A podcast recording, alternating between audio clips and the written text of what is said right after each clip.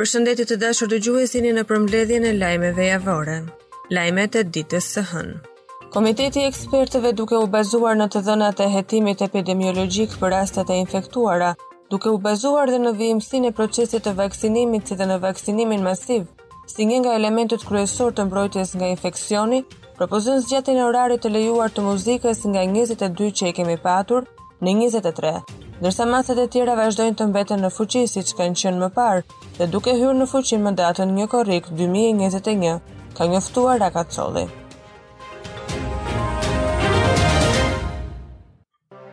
Drejtimi i mjetit në efektin e alkoolit dhe në gjendje të dehur, shpejtësi që cënojnë sigurinë e jetës në rrugë. Parakalime të gabuara dhe shkelje të tjera janë konstatuar në kontrollet permanente të policisë rrugore në të gjithë vendin. Janë pezulluar 41 leje drejtimi nga të cilat 29 për drejtim mjeti me shpejtësi tej normave të lejuara. Gjithashtu janë ndëshkuar me masë administrative 1919 drejtues mjetesh, për shkelje të kodit rrugor që përbëjnë rrezik potencial për përfshirjen në ngjarje rrugore, konkretisht për parakalime të gabuara, shpejtësi mbi normat e lejuara, përdorim të celularit gjatë drejtimit të mjetit, mos respektim të semaforit, mos përdorim i kaskës mbrojtëse dhe mos vendosjen e rrypit të sigurimit, si dhe për mos rregullim shpejtësie dhe manovra të rrezikshme në rrugë. Sekuestrohen mbi 1 kilogram kokainë e pastër në portin e Brindisit. Karabinierët kanë arritur të arrestojnë shoferin e kamionit, ndërsa identiteti i tij nuk bëhet i ditur. Droga u pikas pasi u nënshtrua skanerit dhe u kontrollua me qen antidrogë. Sipas raportimeve, nëse sasia e kokainës do të hidhej në treg, vlera e saj do të ishte mbi 400.000 euro. Një ngjarje e rëndë ka ndodhur në Sukth të Durrësit ku një 55 vjeçar ka humbur jetën nga korrenti. Policia njofton se ka humbur jetën shtetasi me iniciale AÇ, i cili ka rënë në kontakt me telat elektrik, teksa ka qenë duke peshkuar në lumin Erzen. Policia e Shkodrës vijon kontrollet për lirimin e hapësirave publike përgjatë vijës bregdetare në Velipojë. Gjatë një aksioni të fundit, policia ka arrestuar pronarin e një objekti përkatësisht shtetasin Selami Hoxha, pasi është kapur duke ndërtuar një beach bar pa leje.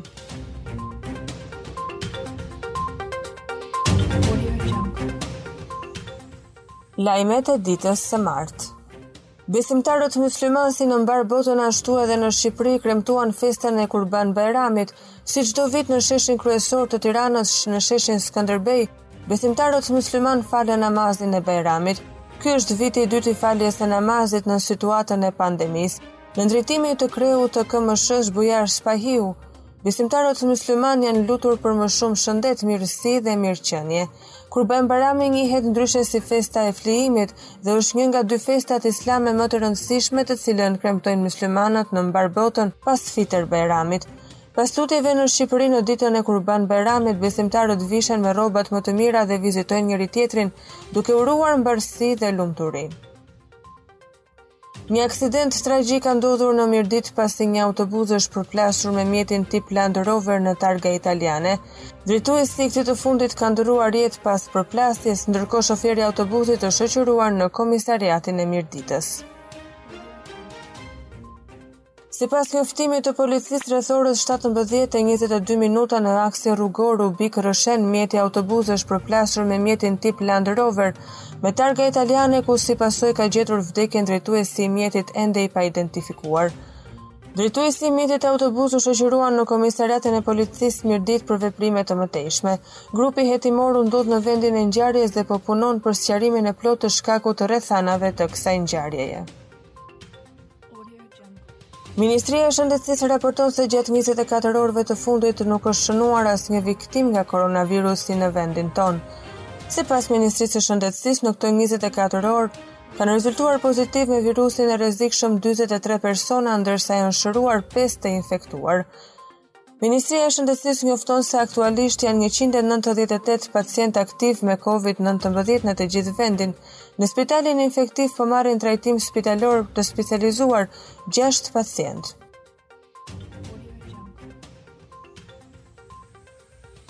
Aleksandër Pemaj është dënuar me burgim të përjetshëm për trafikun e 1.2 ton kokainë e ishullit Vincent në Karaibe drejt Greqisë. Operacioni e ka zanafillën në vitin 2020 teksa Pema u arrestua në cilësinë e organizatorit bashkë me katër të tjerë të cilët janë dënuar nga gjykata greke me burgim të përjetshëm. Tetë të pandehurit e tjerë u dënuan me 12 deri në 18 vjet burg. Sandër Pemaj nuk është një emër i panjohur për drejtësinë greke.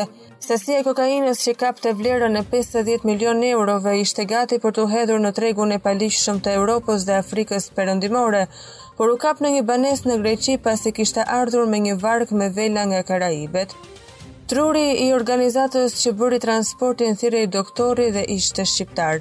Në operacion morën pjesë dhe dy policë të infiltruar që dëshmuan në gjyq ndaj të akuzuarve teksa në transportin e drogës ishin përfshirë disa shqiptarë. Lajmet e ditës së mërkurë.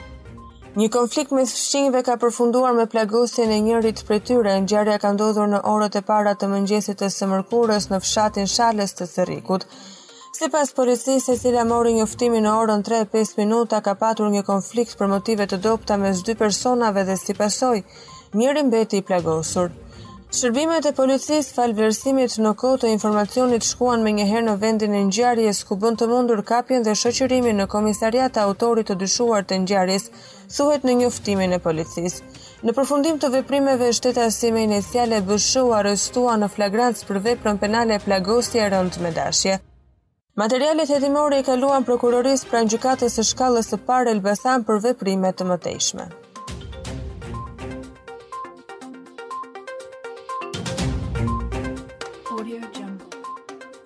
Policia e Durrësit ka sekuestruar një sasi prej 1 kg e 63 gram të llojit kokainë dhe ka vënë në prangat 4 persona, disa prej të cilëve me precedentë të mëparshëm penal. Personat e arrestuar për trafik droge dhe armëmbajtje pa leje janë Arjan Plaku, Edmond Gjyzeli, Ilir Peraj dhe Stavri Marku. Gjatë momentit të ndalimit, shtetasi Edmond Gjyzeli ka përplasur makinën e tij me mjetin e forcave operacionale dhe ka tentuar që të nxjerrë armë nga brezi. Nën drejtimin e Prokurorisë së Rrethit Gjyqësor Durrës vijon puna për kapjen e personave të tjerë të përfshirë në këtë veprimtari kriminale. Ish-zëvendësministrja e brendshme Rovena Voda ka ankimuar vendimin e shkallës së parë që e la atë në masën e sigurisë arrest shtëpie nën akuzën ushtrim të ndikimit të paligjshëm. Voda pretendon nëpërmjet avokatëve të saj se nuk ka asnjë kusht ligjor për të qenë në masë sigurie, pasi s'ka asnjë rrezik largimi apo prishje të provave. Nga ana tjetër ka mohuar që të ketë ndikuar për të siguruar një vend pune për shtetasen Florida Beu. Kjo e fundit bashkë me Majlinda Hasanin janë lënë në masë të sigurimit, arrest me burg për të njëjtën akuzë.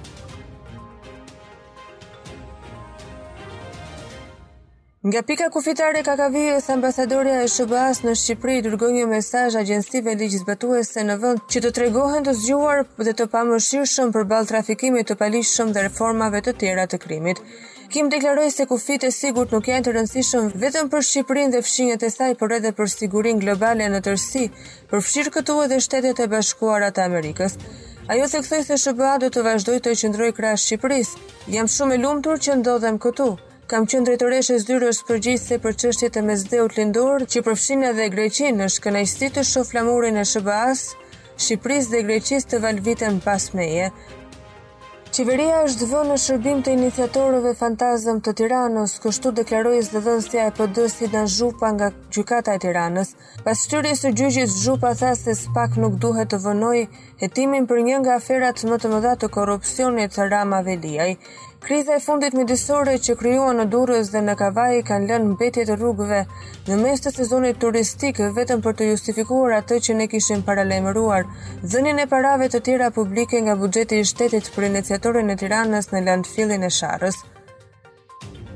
Këto janë skema korruptive, skema që qeveria Rama i ka ndërtuar për të financuar këtë landfill. Ne kemi deklaruar me përgjegjësi të plotë sipas kontratave që ata kanë firmosur, paguhet për 65 ton mbetje në qytetin e Tiranës, pavarësisht se bëhen 650 ton mbetje në qytetin e Tiranës. Lajmet e ditës së enjte. Dy persona kanë rënë në prangat e policisë të Tepelenës të akuzuar për kultivim të lëndëve narkotike. Policia bën me dije se të arrestuarit janë shtetasit me iniciale FB 57 vjeç TB 44 vjeç, banues në fshatin Dukaj Tepelenë pasi kanë tentuar të kultivojnë bimë narkotike në afërsi të një banese. Një aksident i rëndë është regjistruar në orët e vona të mbrëmjes në Kamëz, ku një i ri me motor ka humbur jetën si pasojë e përplasjes me një makinë. Sipas njoftimit zyrtar të policisë, viktimë e aksidentit ka mbetur drejtuesi i motorit me iniciale FH 30 vjeç. Përplasja ka qenë mjaft e fortë dhe si pasojë i riu ka ndërruar jetë në vendngjarje. Grupi hetimor vijon punën për sqarimin e rrethanave të plota të aksidentit. Policia e Gjirokastrës ka proceduar penalisht shtetasen Lorena Floku, 58 vjeç, nën akuzën e mosdeklarimit të të hollave në kufi. Materialet në ngarkim të saj u referuan materialet në prokurorinë pranë gjykatës së shkallës së parë në Gjirokastër, pasi nga shërbimet e policisë kufitare të Kakavijës në dalje të Republikës së Shqipërisë gjatë kontrollit në vijën e dytë Iu gjetën më shumë se 20.000 euro para të padeklaruara të cilat dyshohen se rrjedhin nga veprimtari kriminale. Slogani Vjosa Park Kombëtar tani është shpalosur në sheshin Duomo në Milano në Itali. Ideja është realizuar nga disa aktivistë që kërkojnë mbrojtjen e lumit Vjosa. Aktivistët e Patagonia Milan kanë theksuar se një banderolë e ngjashme do të shpaloset së shpejti në Mbretërinë e Bashkuar. Fotografitë janë realizuar nga Paolo Arala.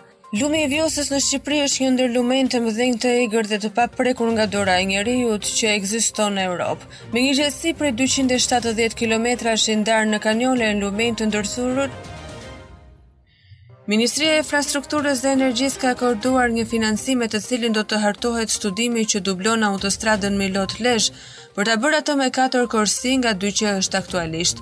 Burimet zyrtare në Ministrinë e Infrastrukturës në raportin e monitorimit prill-janar 2021 njoftuan se akorduan 259 milion lek për financimin e studimeve dhe projektimeve, Projekti i rrugës bypass Elbasan, dublimi i rrugës Milot Lezhë Shkodër, rruga Vaqarr Kavajë dhe studimi i fleksibilitetit të autostradës Adriatiko Joniane. Përmirësimi i infrastrukturës ekzistuese nga Miloti në Balldren ishte parashikuar nëpërmjet ndërtimit të autostradës Milot Balldren në koncesion PPP. Koncesioni i cili pati një konstatim të lartë në opinionin publik dhe në grupet e ekspertëve për kosto të larta u pezullua gjatë vitit të kaluar, me argumentin se kriza pandemike ndikoi negativisht në të ardhurat buxhetore dhe për rrjedhojë, Milot Balldren nuk do të financohej. Më herët dështimi i koncesionit dhe mosfinancimi i tij me fondet publike ishin lajmëruar edhe nga zyrtarë të lartë të qeverisë. Tani dy vite nga nënshkrimi i kontratës ANK kompania që ka përfituar të drejtën e koncesionit ende nuk ka nisur punën. Lajmet e ditës së premte. Pesëvjetori i reformës në drejtësi ka mbledhur në një tryezë të përbashkët ministren e drejtësisë Etilda Gjonaj, krerët e institucioneve të drejtësisë dhe diplomatë të akredituar në Tiranë. I pranishëm në këtë tryezë ishte dhe ambasadori Luigi Soreka. i cili gjatë fjalës së tij theksoi se nëse shqiptarët bëhen bashkë çdo gjë është e mundur. Soreka tha se vijimi i kësaj reforme është tepër i rëndësishëm dhe prioriteti kryesor që të ecë përpara është që të punohet fort që kjo reformë të zbatohet ashtu siç duhet. Ambasadori në fund të fjalës së tij shtoi se reforma në drejtësi është e rëndësishme edhe për Bashkimin Europian, pasi ata kanë qenë mbështetësit kryesorë të kësaj reforme, sepse duan ta shohin Shqipërinë sa më parë pranë Bashkimit Europian. Prokurorët e SPAK kanë zbarkuar ditën e premte në bashkinë e Fierit dhe kanë marrë tre dosje të cilat kanë lidhje me tendera të dhënë nga kryebashkiaku socialist Armando Subashi pas denoncimeve publike të njëpasnjëshme të socialistit Petro Koçi. Ky i fundit prej dy ditësh ka hedhur akuzat se kriminelët po marrin tendera në Fier ndërkohë që SPAK e ka thirrur për të dhënë dëshminë e tij. Në lidhje me thirrjen e Koçit në spak, ish-ministri socialist Arben Malaj ka bërë një deklaratë të fortë pasi thotë se Petro Koçi do të pyetet jo vetëm për tenderat e Bashkisë së Fierit, por edhe për akuzat e mëhershme publike ndaj Edi Ramës. Sipas Malaj, Petro Koçi do të duhet të përgjigjet për akuzat Një pallat, një votë dhe për korruptimin partiak nëpërmjet sistemit votues njëpërdorimësh në kongreset e Rilindjes, akuza që Koçi i ka bërë më herët kundrejt kryeministrit Rama. Këngëtarja e famshme botërore Dua Lipa, e cila prej ditës së enjte ndodhet në tokën shqiptare, është bashkuar nismës së Bashkisë së Tiranës Adopto një kopësht. Ajo ka përzgjedhur kopshtin numër 42 i cili ndodhet në zonën e njohur si ish-Blloku për të lënë gjurmë në rindërtimin e Shqipërisë pas tërmetit të 26 nëntorit 2019, të cilit nuk i shpëtoi as kjo godinë. Menjëherë pas pritjes në zyrën e kreut të bashkisë, Dua Lipa së bashku me kreun e bashkisë, Erion Veliaj, vizituan ambientet e këtij kopshti për të parë më afër punën për rindërtimin e tij, pas së cilës do të nisë dhe projekti i këngëtares për transformimin e këtij kopshti në një kopësht me standarde europiane. Një tjetër sasi lëndë narkotike e llojit kokainë është kapur në portin e Durrësit. Operacioni i cili ka nisur që me datë 13 korrik u finalizua me një bashkëpunim në Policinë Kufitare të Portit të Durrësit nga Policia e qytetit. Më datë 13 u kapën 11 kilogram e 675 gram kokainë, ndërsa në datë 17 korrik në portin e Durrësit u konstatuan të hapur dy kapakë të njërit prej kontenierëve në llogari të firmës Alba Exotic Fruit. Një i vdekur dhe dy të plagosur është bilanci i aksidentit tragjik i ndodhur ditën e premte në orën 22 në Tapizë të Fushë-Krujës. Dy makina u përplasën me njëra tjetrën dhe për pasojë mbeti i vdekur në vend shoferi i njërit prej mjeteve, Qemal Shabani, 60 vjeç. Në mjetin tjetër ishin Pal Kacoli dhe shtetasja me iniciale SSH 39 vjeçe, të cilët mbetën të plagosur dhe u transportuan në urgjencë në spital. Grupi hetimor u ndodh në vendngjarje dhe po punon për përcaktimin e shkakut të aksidentit. Lajmet e ditës së shtunë. Tomas Jelenski është zgjedhur në mesin e 11 anëtarëve ndërkombëtarë të bordit të akreditimit të Agjencisë së Sigurimit të Cilësisë së Arsimit të Lartë. Lajmi është bërë me dije nga vetë kryeministri i cili shkruan se Jelenski ka themeluar disa programe parauniversitare në shumë universitete të Europës. Prej vitit dy mijë e njëzet është emëruar kryetar i Komitetit të Ekzaminimit në Agjencinë Kombëtare të Shkëmbimit Akademik në Poloni. Një zjarr ka rënë pasditen e së shtunës Në zonën e Memaliajt duke djegur pemët në kodër si dhe duke dëmtuar linjat e energjisë elektrike. Forcat zjarrfikëse kanë mbërritur në vendngjarje dhe po punojnë për shuarjen e zjarrit ndërkohë OSHE ka ndërprerë energjinë elektrike. Energjia elektrike do të vijojë të jetë e ndërprerë derisa të konstatohet nga grupet në terren dëmet e shkaktuara në rrjet. Altin Gjoka 32 vjeç dhe Jetmir Marashi 28 vjeç mbetën të plagosur mbrëmjen e së shtunës në rrugën Todi Shkurti pranë Pallatit Grand në Tiranë. Mësohet fillimisht se të plagosurit dhe autori janë përplasur me makina në rrugë, por kjo nuk ka mbetur me kaq. Pasi kanë parkuar mjetet para një lokali në këtë zonë, ata kanë dalë jashtë duke konfliktuar verbalisht, duke bërë më pas që situata të agravojë deri në përdorimin e armëve. Aldo Gjini është arrestuar në vitin dy mijë e gjashtëmbëdhjetë nga policia italiane si pjesë e një bande shpërndarjeje të lëndëve narkotike në qytetin e Ascolit. Gjini në atë kohë ishte njëzet e gjashtë vjeç dhe ra në pranga bashkë me vëllain e tij Andis Gjini. Një mik i tyre Kelvin Strath u la në arrest shtëpiak. Banda e ngritur nga shqiptarët furnizonte me kokainë dhe marijuanë rrethinat në Ascoli. Lajmet e ditës së diel. Një ngjarje tragjike ka ndodhur mëngjesin e së dielës në Kroaci, ku të paktën dhjetë persona kanë humbur jetën pasi një autobuz në të cilin ata udhëtonin ka dalë nga rruga dhe është përmbysur. Mediat kosovare raportojnë se autobuzi ishte i mbushur me shqiptarë të Kosovës që ishin nisur nga Frankfurti drejt Prishtinës, ndërkohë që sipas hetimeve paraprake dyshohet se aksidenti ka ardhur për shkak se shoferin e ka zënë gjumi në timon.